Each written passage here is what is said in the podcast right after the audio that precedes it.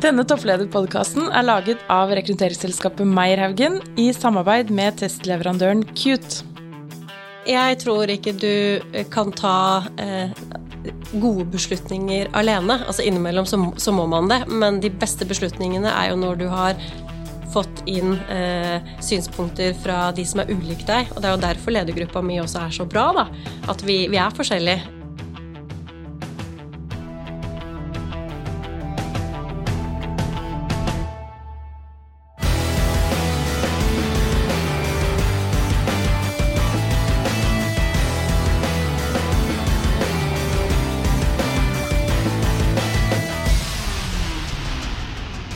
Ja, i dag er vi så heldige at vi har med en veldig spennende gjest, eh, Sverre. Ja, det har vi. Da har vi gleda oss fælt. Ja, Og det er Stine Trygg Hauger. Velkommen til deg. Takk for det. Men du, Stine, eh, kan ikke du fortelle hvor er det du jobber i dag? Jeg jobber i alle nordmenns favorittdingsbutikk. Claes Olsson. Ja. Og da har du sikkert hørt ganske mange kallenavn på den butikken. Ja, når jeg begynte for ti år siden, så var jo vi kjent for å være gubbedagis. Ja. ja. Gubbedagis? Yes, det er en barnehage for gamle gubber. det er ganske morsomt. Er det flere navn? Eh, nei, det er vel det som liksom eh, Som var da. Eh, fordi da var kunden vår Det var en godt voksen mann. Han hadde garasjen stappfull av verktøy. Eh, og så bestemte vi oss for, eller vi visste jo at vi hadde dingser som kunne løse problemer i alle slags hjem og for alle slags mennesker. Så da begynte vi på den reisen, da. Eh, å snu. Mm. Og det skal vi jo prate mer om eh, i dag. Mm. Men vi har lyst til å bli litt bedre kjent med deg. Ja. Og da tenkte vi at hvis, eh, hvis vi hadde møtt hverandre på fest, da, og så hadde vi kommet bort til hverandre og så hadde jeg sagt at du, Stine, hva mener du om dette her? Og Et tema som treffer deg midt i hjertet, og du kunne prate hele kvelden, og du bare, jeg ser vel i kroppen at dette er spennende. Hva skulle det vært? Altså, nå høres jeg jo litt uh, døv ut, men det er faktisk Claes Olsson. Fordi yes. jeg ser på enhver sosial anledning til å kunne gjøre dybdeintervju. ikke sant? Ja. Da har jeg deg, du er mest sannsynlig kunde. Og hvis du ikke er det, så er du enda mer interessant, for da må jeg forstå hvorfor. Jeg var innom der her bare her om dagen, ja. Ikke sant? Ja. Så da, da, da, vil jeg hva, hva kjøpte du? Du, men, ja. Jeg sa de hei, ikke sant? Ja, ikke sant? Men, ja, for da er, du, da er du rett inn i jobb med en gang? Ja, stort sett. Men, men det er, noe må det være som ikke er jobb òg? Ja, det er en annen ting, fordi jeg holder på å skrive en bok. Oi, Gjør du det? Ja, jeg holder på å skrive en bok som handler om å ha det gøy på jobb.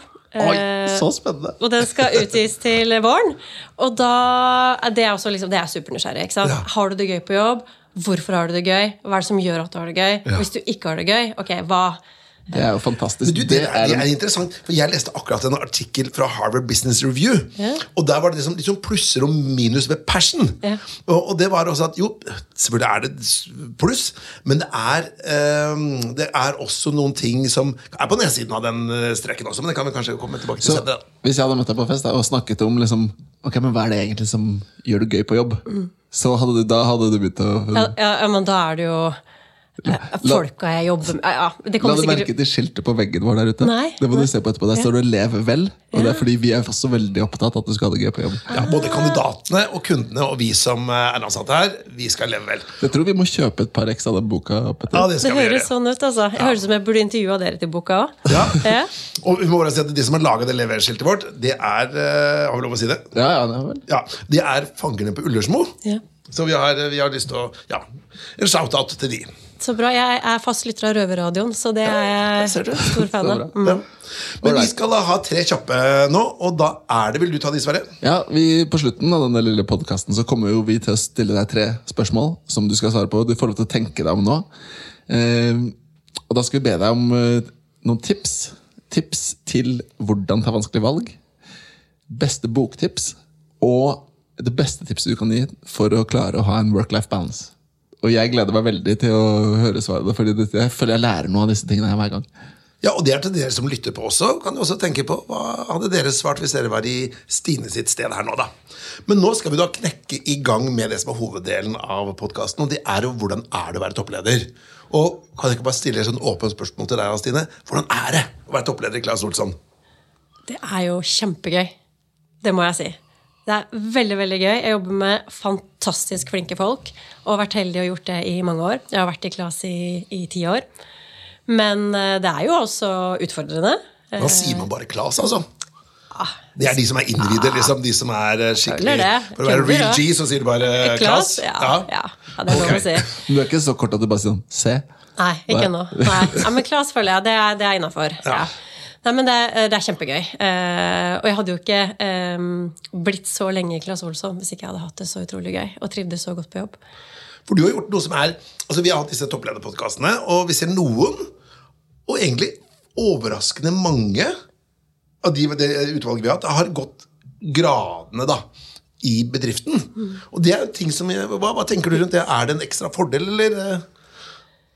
Ja, eh, det kan sikkert være både og. Det kommer jo litt an på situasjonen man står i i selskapet. Men eh, for vår del så tror jeg, eh, eller for min del så har det vært en kjempefordel.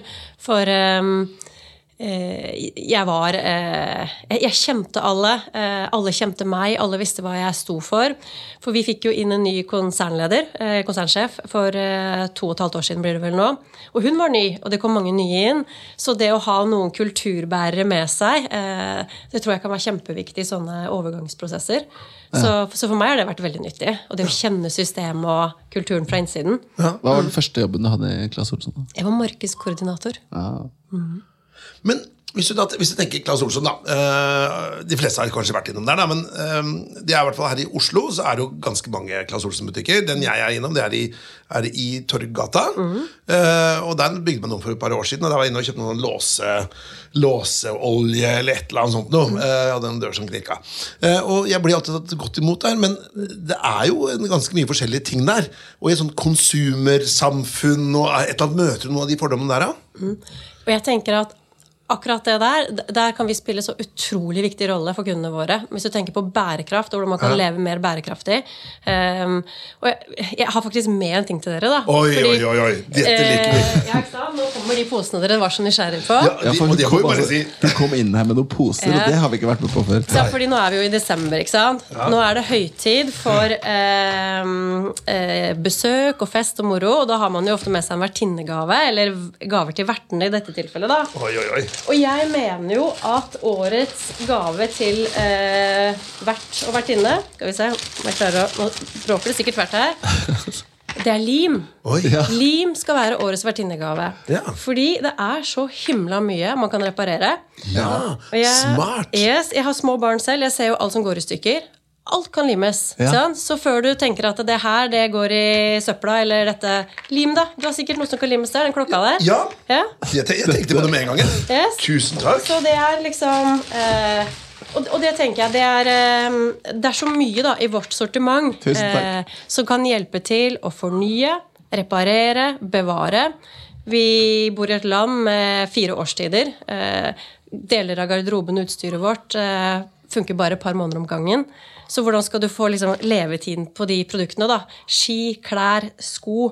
Eh, hvis, hvis du oppbevarer det bra, ikke bare liksom i en pose i kjelleren, men faktisk rengjør, eh, oppbevarer i lufttette, fukttette bokser, eh, har så mye å si for levetiden. Ja. Så jeg tenker at vi i Claes Olsson kan spille en kjempeviktig rolle i alle slags hjem. For den historien der, den er jo veldig spennende. Jeg, jeg kjøper jo den historien med over bordet her, jeg nå, altså. Ja, og det er en veldig fin symbolikk i Ja. gaven. Tusen, tusen takk. eh, Og så er jo folk limet i uh, samfunnet her. Yes.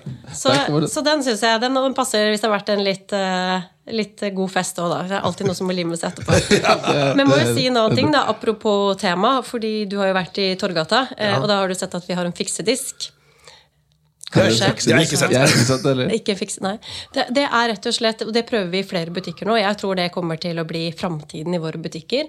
Det er en disk hvor du kan komme når noe har gått i stykker, så hjelper vi deg å reparere det. Det er kjempekult! Vi fyller nøkler, vi låner ut verktøy gratis. Ja. Så den ene gangen du trenger en bajonettsag, ja, men så kommer kom og lån den da, hos oss. Ja. Eh, Istedenfor å kjøpe til det kun det prosjektet. Så det er veldig mye vi kan gjøre for kundene våre.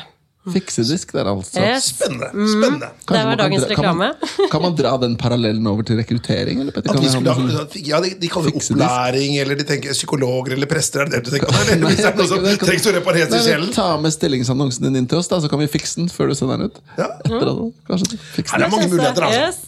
Men vi har jo pratet om Claes Olsen, nå, og det er jo mye som skjer da. Men uh, dette her med detaljhandelen, da, det er jo skrevet veldig mye om i det siste. Og det går nesten ikke en dag uten man hører en eller annen podkast hvor som prater om detaljhandelen. Men hva er det som, eh, tenker du distribusjon av din bransje? Vi ser altså, nyheter om at dere går et samarbeid med Kolonial, og, og det går jo veldig bra. Men fortell litt om hva, hva skjer med dere om dagen, og hva skjer i framtiden? tror du? Nå er jo, eh, Vi er 101 år i år. Ikke sant? Så man, eh, jeg tenker også at Man blir ikke 101 år eh, uten å hele tiden utvikle seg, tilpasse seg, lytte til kundene. Eh, og det begynte jo med at vi var et eh, postordreselskap hvor Claes Olsson himself solgte tegninger av oppfinnelsene sine. Og så begynte han å åpne butikker, og så er vi her i dag. Vi har 90 butikker i, i Norge. Men vi har jo satt oss som et mål at vi skal være bransjeutviklere. Og det synes jeg det er ganske ambisiøst, men det er jo kjempegøy. fordi da gjør man nettopp sånne ting som å samarbeide med Kolonial. Um, i, for noen uker siden så lanserte vi en ny tjeneste, en eh, lagringstjeneste med en startup som heter Vinden. Som betyr at eh, vi fremover nå kan selge juletre eh, med lagring. Så, så du kjøper det hos Det er oss. liksom sånn dekkhotell-tankegang? Ja, yes. Eh, så Claes Olsson flytteesker. Du bestiller opphenting hjemme. Vi kommer hjem, henter det, eh, lagrer det, og du kan hele tiden se i appen hva er det jeg hadde i den esken, vil ha tilbake. tilbake. Fordi, ja. Det er veldig interessant, men det morsomme er vi snakker om, hvis vi snakker om disrupsjon og endring i bransjen. Og de tingene du trekker fram, er jo veldig liksom, lite digitale, egentlig, på et vis. For du har fiksedisk. Du har det at du kan hente og bringe og lagre ting. Det er veldig fysisk. Er det ikke liksom digital uh, Men ting alt det skjer? skjer i en app, da. Ja, du handler matvarene dine hos Ja. kolonial.no på appen. Men jeg, jeg synes det er, ja, og det er det som er så spennende, tenker jeg. For, For, for Man tenker jo at jo, man skal utvikle ting, disrupsjon skal alltid være noe digitalt. Nei, her er en fysisk ting. For at akkurat som, som man kan utvikle en butikk på det digitale, ja ja, men du kan jo få bedre service. du kan få bedre, Det er jo det som egentlig er det aller meste vi gjør. da, Blir litt bedre hver dag. Og jeg tror jo eh, Det digitale, det blir jo Det er jo hjelpemidlene, ikke sant? Eh, og det, men det mennesket mellom, møtet mellom mennesker, det blir for, fortsatt viktig. Ja. Det, det er jeg helt overbevist om. High tech og high touch Ja, snakker vi om. det var fint. Ja. Det er liksom, du er, må motto, lykkes med det er digitalisering. mottoet vårt, da. Jeg skjønner. Du må lykkes med tech og, og menneskelig. Eh, Jeg har lyst til å ta et hakk videre, Petter. Vi, vi, vi har lyst til å snakke litt om hvordan du ble toppleder. Hvis du ser tilbake litt i tid, da, hvilke er de største valgene du har tatt som gjør at du endte opp der du er i dag? Å, det var et godt spørsmål. Vet du hva, jeg har, eh, jeg har tatt alle mulighetene jeg har fått. Jeg har ikke mm, Selv de vi har tenkt eh, ah, det her er sikkert det, det, ja, Så har jeg gjort det. Eh, for jeg har kjent at jeg har vært i trygge omgivelser, da, spesielt i Claes Olsson. Så jeg har, jeg har turt å gjøre det. Um, og det har nok vært det viktigste til at jeg er der, eh, eller her hvor jeg er i dag. Mm. Så når du sier du har tatt de valgene som du Og så sa du ikke helt ferdig setningen. Er det fordi det var, var det skumle valg? Var det kjedelige valg? Eller hva var det som Nei, heller det at eh, det har vært prosjekter eller utfordringer som jeg ikke har gjort før. Eh, Så man Ja, ok. Eh, og så har jeg gjort det. Eh, Så jeg har hele tiden fått de mulighetene, da. Så har jeg også tatt de. Så mot har vært en del av det? Ja, det, det har du nok rett i. Spennende. Men dette her med ikke sant, sånn som Når vi så på CV-en din, da, så er det jo spennende, du for du har jo vært i Claes Olsson Eller Claes, da, som jeg nå har lært meg hva si. CEO, som jeg klarer å kalle det. Ja, CEO, ja. Nå er du veldig intern. Du men du har vært der i største del av ditt yrkesliv, da. Og så gått gradene. Og det, det ser vi det er en del toppledere som gjør, da. Men da har du også fått smak på den mellomlederposisjonen. Og et av de spørsmålene vi er veldig opptatt av, er jo at hvordan er det å være mellomleder versus det å være toppleder? For det er jo, alle toppledere har vært en mellomleder, men veldig få mellomledere går og blir toppledere. Yes. Hva vil du si er den største forskjellen eh, her? Nå har jo ikke jeg vært toppleder så lenge, men den største forskjellen er jo det eh, at man må opp i helikopteret. Eh, det, det er du som skal ha full oversikt eh, og se fremover. Eh, og når, når du er mellomleder, så er det du har ditt felt. da. Det er det som betyr når du skal levere. Eh, så det, så det, er, det er den helikopterøvelsen som jeg tenker det er det største og kanskje mest utfordrende spranget. da, fordi det er jo eh, veldig gøy å dykke ned i liksom eh, daglig drift. da, Må jo si det. Eh, så det å liksom klare å ja, Ja, du, du, Løfte fram, blikket. du framstår jo som at du er ganske engasjert i det du kaller daglig drift, eller det som er der nede. da. Ja, ja. Med det du har med deg i dag, måten du snakker, hva du snakker om på fest, Mm. eh, som er kundeopplevelsen. Og du er veldig sånn Hands on. ned hele veien. Men det, tro- det tror jeg det også må være. Men jeg tror du må eh, beherske eh, kombinasjonen da, begge deler. To forskjellige tempoer, kanskje. Eh, Så det er, det er vel den største forskjellen, eh, vil jeg si. Man prater jo ofte det å, kjøre heis, da. At Mm. man bruker i hvert fall i rekruttering. At du må er på toppen, mm. og så må du veldig raskt komme ned i detaljene, og så raskt Yes. opp igjen. Yep. Så du må liksom veldig sånn, ganske friksjonsfritt gå mellom denne superglue her, da er det en riktig pak pakke på den, versus det der med å liksom, Oi, nå er det EBDA et eller annet diskusjon, da, ikke sant? Så, og du må være ganske glad i den omstillingen der, da. Men det liker jeg jo, da. Fordi tempo det er jo en av mine største Det, det liker jeg kjempegodt. Så, så det, men, men det er klart, den dimensjonen som jeg syns er eh, vanskeligere nå enn da jeg var mellomleder, eh, er jo eh, Det er mer ubehag nå. Eh, så du, du, må, du må tåle å like å stå i litt sånne ubehagelige eh, prosesser. Ja. Det må jeg si. Og den kommer vi sikkert litt tilbake til etterpå, tror jeg, Ja, når vi snakker om personlig. Men, men hvis vi da skulle tenke at du ser sikkert mange flinke mellomledere hos deg. Og så tenker du at du har potensial til å bli toppleder, du har det, men jeg tror ikke du har det. Hva er det du tenker at, um, hva er det du ser etter om noen har et potensial for å gå helt til topps? Og hvem som tror nei, her tror jeg de har nådd sitt nivå. Og ikke noe sted. Hva, hva, er det du ser etter der? Jeg tenker at uh, før du kan ta den uh, beslutningen der på vegne av noen andre, så skal du jo ha uh, virkelig testa de godt, da. Og jeg kjenner at jeg har jo alltid fått liksom litt større skjorte. Enn jeg har klart å fylle. Men det er jo også derfor jeg har klart å utvikle meg. Så du skal være ganske sikker på vurderingen din. Og jeg tenker også hva slags ledelse eh, er vedkommende under? For det har jo så utrolig mye å si. Eh, for meg har det jo vært jeg, jeg tenker at eh, Grunnen til at jeg står her, og er jo fordi jeg har hatt en leder som jeg har hatt. Eh, og han hadde jeg i åtte år. Eh, som gikk i veldig god skole hos ham. Mm.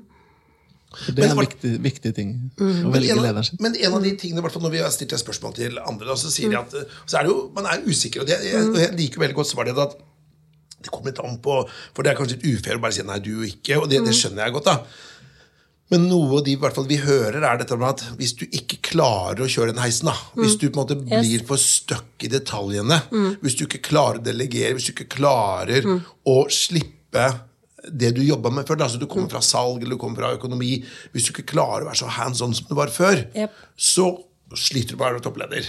Ja, men jeg vil si, det, er vel to egenskaper som jeg da Hvis, hvis du skal eh, sortere litt, da, så er det eh, Hvis du ikke er nysgjerrig, så kommer det ikke til å funke. Du, du må være nysgjerrig. Det er, liksom, det er det viktigste. Fordi veldig mye kan du lære deg, men da må du være nysgjerrig. Og så er det grad av robusthet. Fordi det, det, det, bare, det må du ha. Eh, Så det er vel kanskje de to tingene sånn spesifikt jeg ville sett etter. Så en nysgjerrig, robust eh, person, det, da, da, da Det er i hvert fall et større. Jeg tenker at eh, du har større muligheter for å lykkes eh, da. Ja. Hva tenker dere? Dere er jo eksperter på det her, er dere ikke det? Da spør de oss brått her, da. Hva sier du, Sverre? La deg Snak, skyte først. men, snakker vi nå om for å være leder eller toppleder, eller hvor var vi nå? Ja, mell altså, hvilke mellomledere kan egentlig ikke bli toppledere? Hva, hva ser man hos en mellomleder for å se om et potensial på toppledelse? da? Nå, nå er jo dette høres ut som en god liksom, bro over til å snakke om personlighet. Da, og type på personlighet. For det er mange trekk som kommer fram. Men, men det er jo Nå vil ser- jeg jo ha fasiten, da. ja, men vi har en fasit. Vi, skal, vi kan få fasiten etterpå. Men jeg tenker på dette med robust. Høres jo ut som Du snakket jo om dette med tøffe valg. og sånt nå. Det er jo en ting som jeg tror er ganske viktig, både med tanke på arbeidsbelastning og en del andre ting. Men øh, også nysgjerrig er det nok ikke så mange som kvantifiserer. Og nysgjerrighet du, Det kommer jo fram i noen typer personlighetstrekk, men et trekk som ofte gjenkjenner gode ledere, da, men som ikke nødvendigvis er noe du trenger for å bli leder, det er jo dette med hensynsfullhet og hvordan du behandler andre mennesker. For der har vi jo en tendens til å trekke fram de som er veldig effektive, operative, har kontroll og struktur, mens de beste lederne er jo de som ser folk. Og, og ta, ta, vare på folk. Men det er jo et godt spørsmål. For jeg, fasiten det tror jeg finnes jo selvfølgelig ikke. Men, men hva jeg selv tenker, i hvert fall det jeg tror en toppleder bør ha, da, som kanskje en mellomleder ikke har, er vel nettopp den derre muligheten til å å kunne stå i det trøkket det er å være toppleder. Mm. jeg tror der er det De, de er like flinke, smarte, intelligente, kan like mye om produktene, kan være like flinke med folk. Men den der røffheten å kunne stå i det og allikevel fungere Og det er det i hvert fall når vi intervjuer sånne der spesialsoldater. da og man leser hvordan de gjør det, så er det at hvor mye dritt kan du ta og allikevel fungere og jobbe mot et mål? Når er det nok? Så du begynner å tenke at nei, nå er målet Det klarer jeg ikke. Nå må jeg bare berge meg selv. Hvis du er på et oppdrag da. Og Det samme tenker jeg med en toppleder. At, jeg, at nå er det så trøkk at nå må jeg bare ta hensyn til min egen helse, nærmest. Men du, du kan ikke trøkke på mer. Og der tror jeg du bør være ganske ja, Du må være ganske røff, som, som du sier. da Solid, røff. Og så tror jeg også, og det er kanskje en evne som, som mange ikke tør prate om, men det er evnen til å be om hjelp. For den tror jeg er underkommunisert i topplederskap. da For du skal være så tøff og klare alt selv. Det er interessant det du sier der, fordi mm, eh, en av, eh, jeg, jeg har reflektert mye rundt mine egne verdier. Eh, og det som er utrolig viktig for meg, er nettopp det der å ha eh, en god heiagjeng. Ja. Eh, både noe som selvfølgelig jeg kan støtte og spille god, men jeg jeg er jo så dønn avhengig av de rundt meg for å, for å lykkes og ha det bra og kunne prestere. Så det er jeg ja, Ja. helt enig med deg. Bra. Men vi, vi, jeg ble veldig nysgjerrig på de verdiene. Ja, Og, og denne her gjengen er jeg også litt nysgjerrig på. ja, ja. Men vil du si noe mer om verdier? Ja, det kan jeg godt. Ehm, nå ser jo dere meg, da, sånn at dere ser jo at eh, jeg kommuniserer med hele kroppen.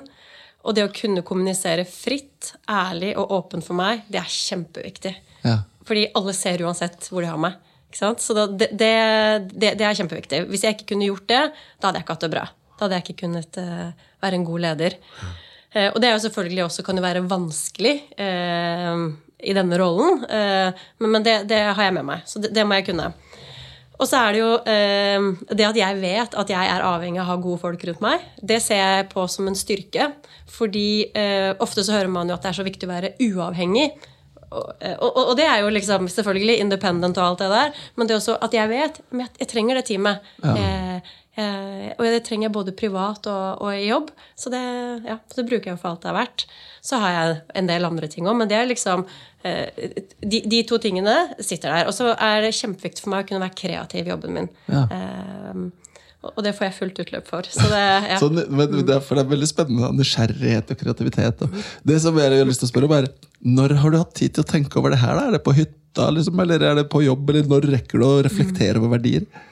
Vet du hva, jeg eh, fikk jo tilbud om den jobben her eh, når jeg var fem måneder på vei med mitt andre barn.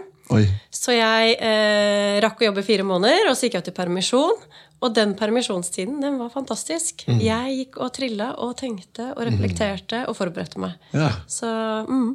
Og jeg blir jo så glad når jeg hører sånne historier. For man, man, alltid så møter jeg jo kvinner som da har pratet om at det med svangerskap er kanskje en hemsko i karriere. og man blir kanskje ikke, Selv om man selv syns det er greit, så er det andre som kanskje tenker det er en større hindring. Men her har du, fikk du tilbud om en toppjobb mens du var uh, gravid. Og, og, og det er jo liksom ja, Jeg blir så glad i at det går an. Så er det sånn, Du vet jo aldri hva slags unge du får, da. Men uh, hvis, du, hvis, hvis du klarer liksom å Den permisjonen går greit. De trilleturene kommer uansett. Så Ja. du er kvinne eller mann og du har permisjon, det å kunne bruke den timeouten liksom aktivt Ja. til å reflektere, da, det, det er helt supert. Ja, jeg må si jeg, Det er jo mye fokus på dette med liksom kjønn og å være working mom, og sånn, men jeg må si at det er ikke noe, det er jo ikke noe lettere å være working father, egentlig. Jeg, jeg, har, vært, jeg har vært 50% i permisjon på alle tre barna mine. øh, og jeg må jo si det er jo krevende. Og, Ja, ja, det er korrekt. Men nå tenkte vi skulle prate litt mer om den der eh, heiagruppen rundt deg. da. Ja. Um, et spørsmål er uh, toppledergruppen din, da. Altså den derre C-level, Yes. under deg. Eh, de kan jo være en heiagjeng, men det kan også være noen av de største kritikerne dine. Men hvordan ser den ideelle toppledergruppen ut? Du, jeg har en ganske liten gruppe, eh, men det som eh, eh, Vi er veldig forskjellige. Ja. Og det har vært det viktigste for meg. Eh, og vi er forskjellige i både hvor vi kommer fra, men også hvor vi bor i det daglige. Oh, ja. Så jeg har eh, en som bor i Bergen, eh, og en som bor i Sandefjord. Og så bor resten av oss i Oslo-området.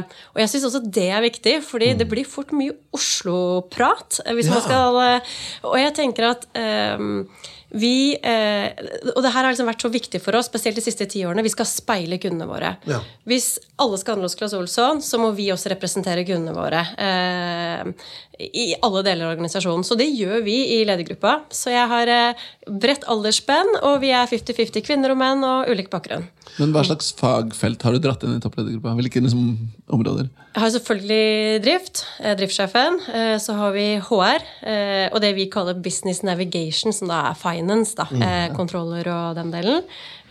Og så er det den kommersielle siden, med en kommersiell direktør. Og så har jeg expansion og forretningsutvikling. Ja. For dere har en vekststrategi, dere, da? Ja. Ja. For hvor mange butikker har dere i dag? da? 90 butikker fra Eller egentlig ja, 92. Vi har Ja. 90 fysiske fra Alta til Mandal i sør. Eh, og så har vi jo da eh, en nettbutikk eh, som vokser som bare rakkeren. Og så har vi en butikk hos kolonial.no. Ja. Ja. Men, men IT, ikke i ledergruppa? Nei. Det, eh, vi er jo eh, Jeg sitter jo i konsernledelsen til Claes Olsson Group. Og så leder jeg Claes Olsson AS, som er et datterselskap. Så IT hos oss det ligger jo sentralt. Eh, mm. For det er felles IT-løsninger. Ja, ja, ja. Hvor mange butikker er det Claes har i verden? da? 200 og nå ble jeg plutselig sikker på om det er 36 eller 32, eh, men 36 eller 232, Det er Norden, da. det er Norden hittil? Eh, ja, vi har fysiske butikker i Norden, eh, og så har vi hatt i eh, Tyskland og England, men nå er, er det kun online som gjelder der fremover. Ja, Nettopp. Men ja. Ta Og så kan jeg si en ting til. Ja. Norge står for 40% av omsetningen i Claes Olsson. Yeah. Yeah, go oljepenger. Men jeg tenker at vi skal prate litt om det der med For du, du har jo prata med, med verdier nå, da. Eh, Og når du skal rekruttere selv, hva, hva, hva ser du etter når du skal finne personer til Klas? da? Nå tenker jeg både ledere og spesialister, for du har sikkert rekruttert ganske mange opp gjennom årene. da. Hva er det du ser etter? Det kommer litt an på rollen, men jeg gjorde jo faktisk en del rekrutteringer når jeg var i permisjon. Ja. og, og, og jeg må si det at med den, eh, de utfordringer og den reisen liksom hele retail er inne på nå, så var det viktigste for meg at det var eh, eh, nysgjerrige mennesker. Som ikke liksom er så opptatt av sånn vi alltid har gjort det, eller sånn gjorde vi det der, men, liksom, men, men hvordan vil kunne ha det fremover. Så, så det er liksom en sånn egenskap jeg faller tilbake til. Da. For meg spiller det ingen rolle hvor gammel du er. Eller, men bare, er du nysgjerrig? Vil du vite mer? Eh, sette deg inn i ting? Lære? Så, så det vil jeg si, det, det var eh, bærende da, for det. Eh, og så eh, vet jo jeg veldig godt hva jeg trenger rundt meg, så det så jeg jo selvfølgelig også etter i de menneskene. Eh, så jeg brukte ganske lang tid. Eh, hadde mange møter. Eh, gjorde jobbintervjuer til, eh, med barnevogn og trilla rundt her. Og, men den settingen er fantastisk, fordi du blir kjent med mennesker på en helt annen måte enn å sitte i liksom formell eh, møteromsituasjon. Men, men Var dette kandidater som kom internt fra Klasse Olsson-systemet, eller var det eksterne kandidater? Jeg har to som eh, kom eksternt, eh, og resten er, eh, var interne. Mm, I den gruppa som jeg var i. Og var dette da eh, som du sa, ikke sant? du var jo fem måneder Eller du hadde noen måneder, og så gikk du inn i permisjon. Mm. Så dette var egentlig ganske sånn umiddelbart etterpå. Ja, jeg, jeg begynte rekrutteringen av de to nye den høsten hvor jeg fortsatt var i permisjon. Ja. Er det lov å spørre om du har gjort noen feilrekruttering noen gang?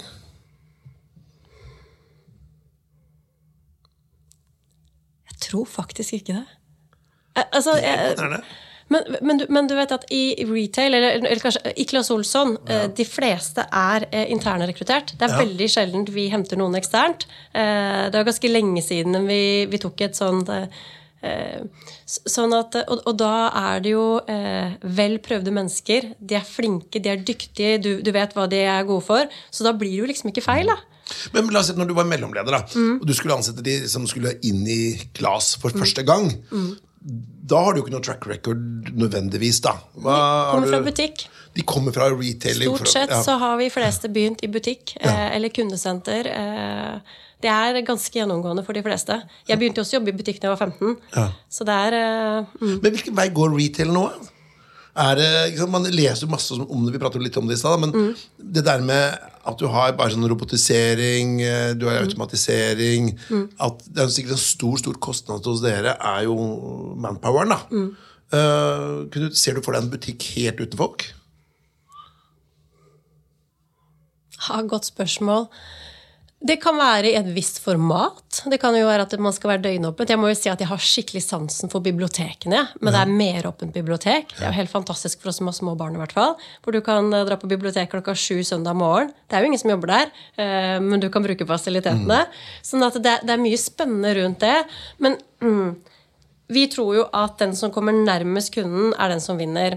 Og eh, jeg tror tjenestedelen blir enda viktigere. Og vi har jo vært ute og spurt alle kundene våre hva er det dere vil, hva vil dere ha mer av oss? Og da er det jo det at de vil ha hjelp hele veien hjem. Så i Sverige nå, i Stockholmsområdet, så piloterer vi en tjeneste som heter Klas Fiksere. Hvor du faktisk er i en app som heter Klas Fiksere, booker en Klas Olsson-ansatt som kommer hjem til deg og hjelper deg. For noen så betyr det å henge opp eh, rullegardiner. ja. For andre er det en støttemur. Det kan være montering av lamper eller et rør som lekker. Det er ganske sånn bredt spekter, da. Da, men da ser du etter litt ny type kompetanse. For da er det sånn at du Det er nesten håndverker. Ja, i det noen ganger. vaktmester eh, Vet du hva, Vi har så mange nevenyttig flinke folk i butikkene våre. Så jeg er sikker på at det er mange av dem. eh, Og jeg vet jo det allerede, for det er mange som blir med kundene hjem og monterer robotgressklippere. Ja. Monterer trampoliner. Som på egen liksom vil hjelpe kundene. For jeg, jeg, jeg, vil jo si, jeg kjenner meg jo litt igjen i det. For når du går i en Claes Olsen-butikk, eller CO-butikk, om du vil, så er det jo litt sånn for min del i hvert fall, at det er så mye der, det er så stort at det er vanskelig å finne fram. Og da er det du går og leter etter disse folka for å spørre. Da. Så du vil jo ha denne personlige Yes, Og de er flinke, altså. Det å jobbe i Claes Olsson, det er krevende. Um, Jeg er veldig opptatt av at alle vi kontorrottene skal ut og jobbe i butikk ofte. Fordi det er, jo, det er jo da du får pulsen. Du får pulsen på kundene, hva er det de spør etter. Og det, det, er, altså det, er, det er spørsmål om alt. Du kan ikke forestille deg engang. ja. Men eh, kan vi gå litt over på personlighet? Jeg tenkte vi skulle gjøre det nå, for dette har jo dreid seg veldig mye om hva slags typer og sånn vi er på jakt etter. Men nå er det jo da denne øh, Vi er jo dette i samarbeid med, med Qt, da, testleverandøren Qt. Og det er et av de ledende eller øh, testleverandørene i verden.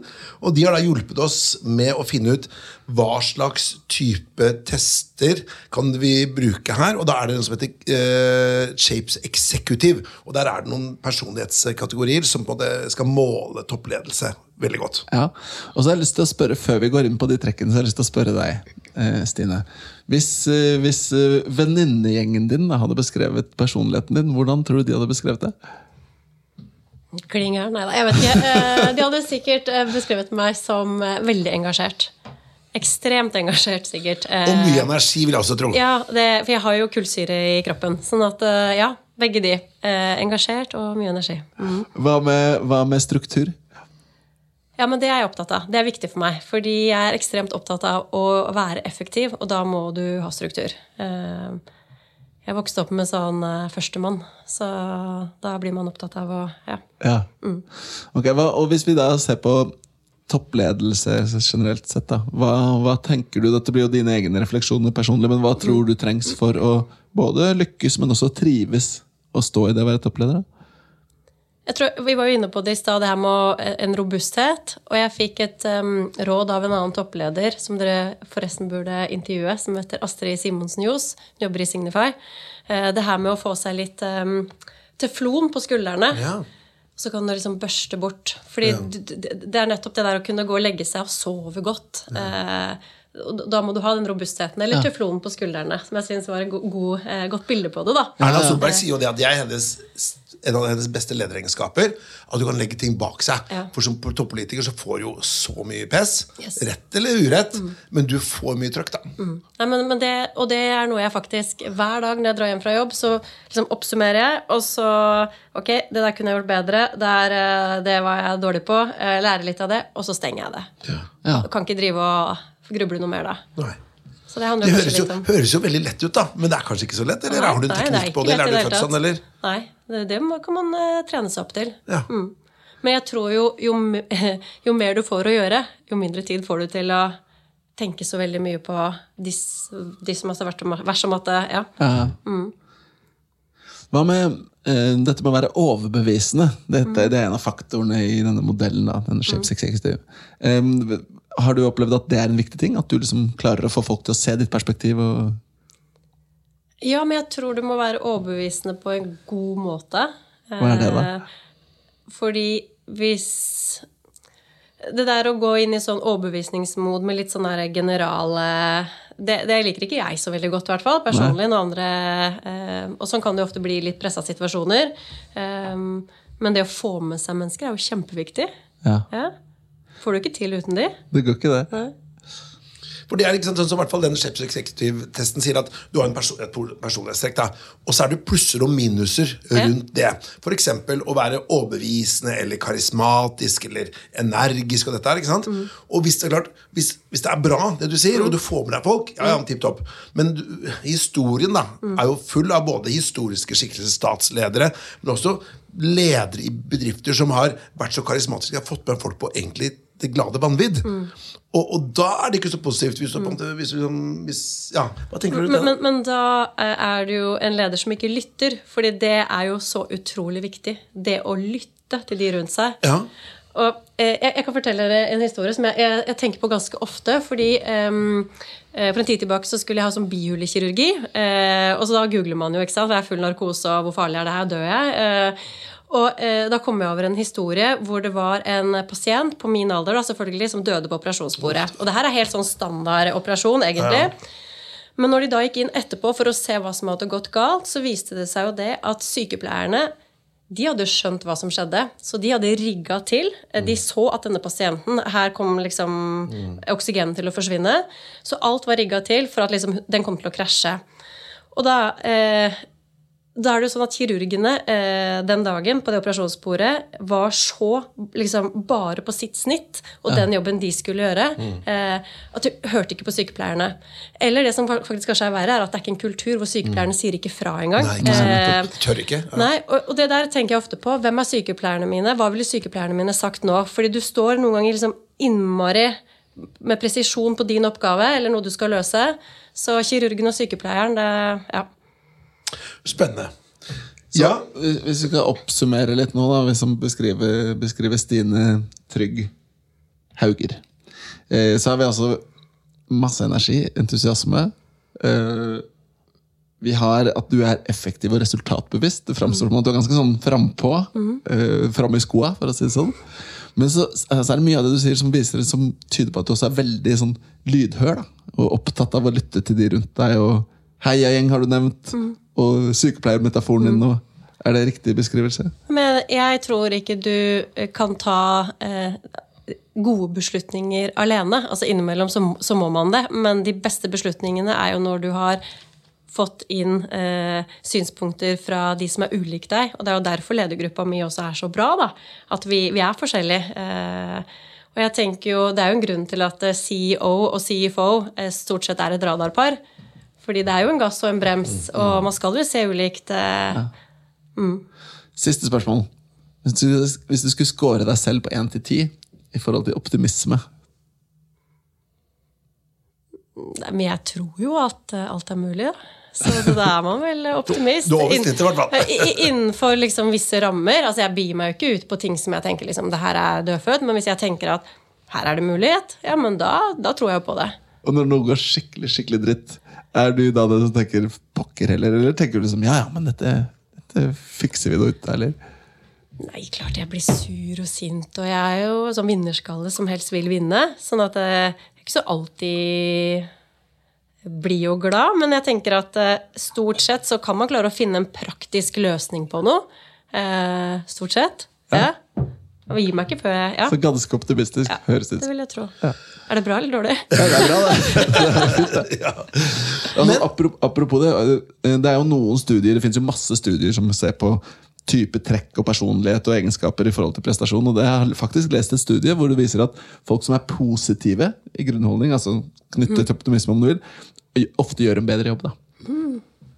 Men tenker du at eh, det store klassiske spørsmålet i en topplederrekruttering da, Kan en leder lede hva som helst? Eller er det stick to your guns? For eksempel, da, du har gått gradene i klass, eh, og eh, gjør en veldig god jobb der, hører vi. La oss si at Og det vil jo sannsynligvis ikke være lenge før du får en telefon fra noen som oss, og du har sikkert fått det allerede. eh, og si at, jo, kan du lede noe Det er ikke retail engang. Det kan være det kunne vært oil and gas, det kunne vært et konsulentselskap, det kunne vært offentlig sektor, for den saks skyld. Eh, hva tror du? tror det kommer helt an på hva det er, og at ehm, for min del i hvert fall da, så handler det egentlig utelukkende om at jeg kjenner liksom passion for det. Ok, det her kan jeg ikke noe om, men det her kan jeg lære meg masse om. Eh, men så tror jeg det er visse begrensninger. For jeg tror hvis det er ekstreme eh, Fag, sånne tunge fagmiljøer hvor det krever liksom en teknisk forståelse og kompetanse som tar årevis å liksom bare beherske, det, det, tror jeg kan være vanskelig. Men på veldig mange andre områder, hvis du virkelig tror, tror på det, så må det jo være mulig. Tilbake til optimismen, da. Ja, ja. Kom det. Der kom det. Er det noe fasitsvar på det her? Nei, og dette her er jo noe man har diskutert veldig lenge. da ja. I, i uh, Ledelseslitteraturen er veldig mm. Det er masse bøker om det. Hvilken teori var det, Petter? Nei, jeg skal ikke si jeg får litt eh, nei, ja, det, ja, det, er en annen effekt. Denne krigen. Kenning-tradisjon, ja. Det, var, ja. Det er en Kenning-tradisjon i Norge. Men det er en sånn diskusjon at ja, kan du lede hva som helst? Uh, politikere altså, de mener jo at du kan lede egentlig kanskje hva som helst. Du har jo måtte, en politiker som som blir, oss bli minister. da, og Så bytter man noen departementer. og det er, ja, liksom, er det politiske som er det viktigste, eller er det fagkunnskapen i helse eller forsvar? eller hva som helst da, mm. Eller om det kan gå fra Men vi rekrutterere vi har vel en, kanskje et håp da, at du kan bytte bransje. For vi mm. bytter jo på folk hele tiden. Det er det som er jobben vår. Mm. Men så blir alltid diskusjon skal vi da rekruttere innenfor bransjen, eller kan mm. man da hoppe mellom? Så det er the jury still out, tror jeg, da. Men handler ikke det mye om eh, om det er mulig å opparbeide seg liksom, troverdighet og respekt i den organisasjonen? Og, for hvis det ikke er mulig, fordi du ja. ikke har liksom, det skillset eller den faglige ja, ja. Ja, men da, da, går det ikke.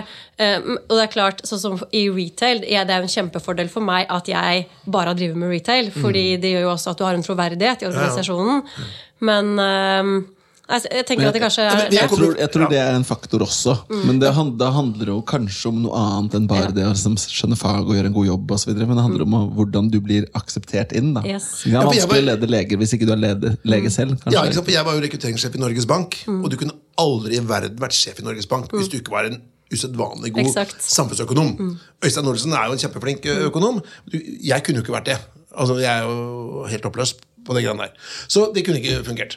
Men jeg tenkte vi skulle se litt på uh, Vi må gå litt på landing her. Og da er et av de spørsmålene vi har på tampen Sverre. Ja, Da har vi altså tre spørsmål til deg på tampen. Nei, vi tenkte at Hvis du skulle lede non-profit er først. Ja, ok, ja. Nei, ta du. Ja. Nei, kjør du, Sverre. Uh, ja, nå har du allerede sagt det. Hvis du skulle lede non-profit, Stine, uh, hvilket skulle det vært? Jeg håper jo at jeg en dag gjør det, fordi det tror jeg hadde gitt meg så utrolig mye. Men hvis jeg skulle valgt en organisasjon nå, så ville det vært eh, Childhood, som vi også samarbeider med. Ja. Som er en organisasjon som spesielt da for liksom utsatte barn, da, men eh, vil eh, forebygge og forhindre seksuelle overgrep og vold mot barn. Så i, i Klas så tilbyr vi alle ansatte De kan ta en opplæring og et kurs som heter Bli en viktig voksen. Og det er kjempeviktig. Hvordan, eh, hvis du kommer opp i den problemstillingen at du ser et barn hvor du mistenker at det er noe, hva skal du faktisk gjøre? Hvilke ja. spørsmål skal du stille? Eh, hvordan skal du gå fram i den situasjonen? For det skjer dessverre altfor mye av det. Mm. Så Childhood den, eh, det er en organisasjon jeg mm. Høres ut som en verdig organisasjon. Mm. Dronning Silvia startet jo den, og hun sa jo det at eh, jeg starter nå Childhood eh, med det håp om at jeg kan legge ned så fort som bare mulig. Ja, ikke sant? Mm. Dessverre så kan man nok ikke gjøre det. Men jeg må si at vi var jo på den Unleash-konferansen i Paris. Eh, Sverre, og da var det Bob Geldof var der. Mm. Han trodde ikke vi kunne all verdens med om HR-tech, men han hadde i hvert fall noen gode tanker om at det med å repurpose your organization. da. Mm. Og det er at liksom, Du kan ikke bare ha utelukkende et uh, kommersielt fokus i organisasjonen din. Du må også gi noe til, til verden. Men, men det, du prater jo om det her nå, da, med, med Childhood. Er det andre ting dere gjør i uh, Class som, måte, for å måte, repurpose, ikke bare selge dingser? Uh, har du noe The greater good? For meg, da, som personlig er veldig viktig, er jo det at vi skal kunne forenkle hverdagen i alle slags hjem. Og da mener vi også for alle slags lommebøker. Fordi det er forskjell eh, på hvor stor den lommeboka er, men vi har alle noe vi skal fikse hjemme, sånn at vi alltid liksom, kan være der for alle. Det er kjempeviktig for meg. Og det er også litt tilbake det med å speile. Eh, at vi har mangfold blant de som jobber hos oss, eh, og at vi skal være en trygg og god arbeidsgiver. Eh, så ja, det ville vært mitt svar på det spørsmålet. Ja. Mm. Bra. Nå er det tre kjappe, Sverre. Ja. Tre kjappe. Stine, er du klar? Ja. Jeg vet at du har lyttet på, lyttet på disse, noen andre episoder her og kanskje har forberedt deg, men vi vigsler jo litt på disse. Ja, det var jo overraskende. De, Ja, så Dagens første spørsmål til deg det er eh, hva er ditt beste tips til lytterne hvis man skal ta et vanskelig valg? Først så kommer du an på eh, hvor kjapt må du ta det valget. Så hvis du har tid til å sove på det, så ville jeg sagt sov på det. Mhm, det, er liksom, det er mitt første råd. Det gjør jeg ofte selv. Eh, hvis det må gå raskt, eller det er liksom, du ikke får tid til å sove på det, så er det å innhente mest mulig fakta og synspunkter eh, fra andre som tenker noe annet eh, rundt det. Hvis, hvis du kan det, da. Hvis det er en, et sånn type valg eller problemstilling. Ja. Så sov på det og hente mest mulig input. Ja. Og så bare hoppe i det. For da tar du det beste valget. Ja. Veldig bra. Takk. Ja, og da har vi da eh, nummer to. Er, har du et boktips til oss? Det hadde du lyst til å prate litt om, for du sa du var en lesende person.